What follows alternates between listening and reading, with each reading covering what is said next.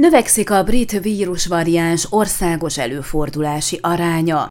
Az éveleje óta elvégzett célzott laboratóriumi vizsgálatoknak, azaz a különböző vírusvariánsok azonosítására szolgáló genomszekvenálásoknak majdnem fele a brit vírusváltozat jelenlétét igazolta az ország szerte begyűjtött mintákban, és február második fele óta ennek az előfordulási aránya 18%-kal nőtt. Derül ki az Országos Közegészségügyi Intézet elemzéséből, amely a SARS-CoV-2 aggodalom forgalomra okot adó vírusvariánsainak hazai jelenlétét taglalja. Egyelőre az igazolt koronavírus fertőzések számához képest nagyon kevés szekvenálást végeznek országszerte, így a különböző vírusvariánsok a brit, dél-afrikai és brazil előfordulásának inkább az aránya lényeges, semmint a száma. Az év elejétől március 14-ig összesen 849 célzott laborvizsgálat eredményét küldte el négy hazai laboratórium laboratórium az intézetnek, ezek közül 385 pozitív volt. A legtöbb, azaz a 385-ből 381 esetben a brit variás jelenlétét igazolták, illetve két-két dél-afrikai és brazil variánst.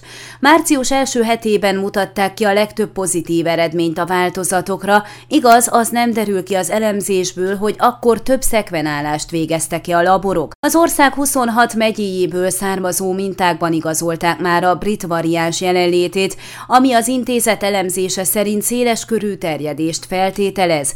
Annál is inkább, mivel ez a megoszlás leginkább csak a megyék tesztkéréseit tükrözi.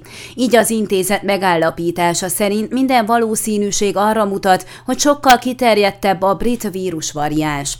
Ezt erősíti ugyanakkor az is, hogy a pozitív esetek 62%-ában semmilyen járványügyi összefüggést nem talált a fertőzés forrására vonatkozóan az egészségügyi szakhatóság.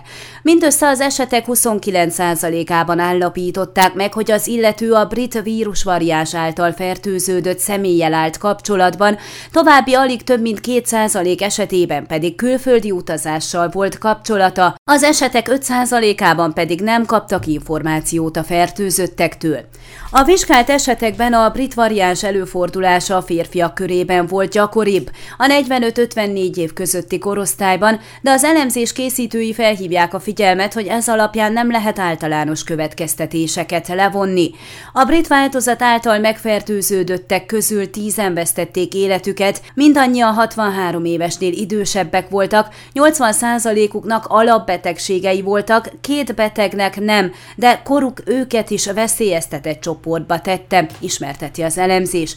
Egyébként a három variáns valamelyikében megfertőződött 385 személy közül 16-an már be voltak oltva, heten az első, kilencen pedig a második oltás után betegedtek meg.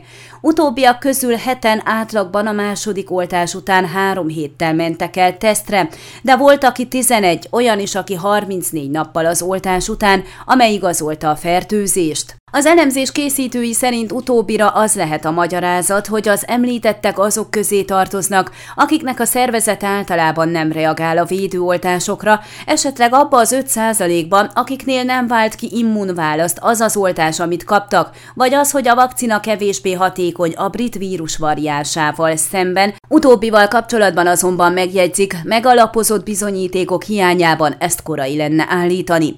Egyébként egy az országos közegészségügyi Intézet által frissen közzétett másik jelentés szerint az országban mindeddig a beoltottak közül 1012 személy kapta el a fertőzést a védőoltás második adagjának beadása után. Ön a Székelyhon aktuális podcastjét hallgatta. Amennyiben nem akar lemaradni a régió életéről a jövőben sem, akkor iratkozzon fel a csatornára, vagy keresse podcast műsorainkat a székelyhon.pro portálon.